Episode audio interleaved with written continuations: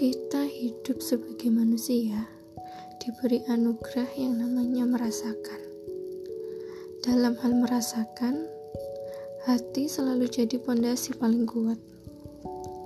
Dan kita tahu, setiap hati punya rasanya masing-masing.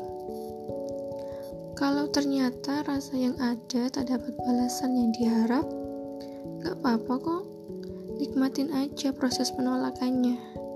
Nikmatin aja rasa sakitnya.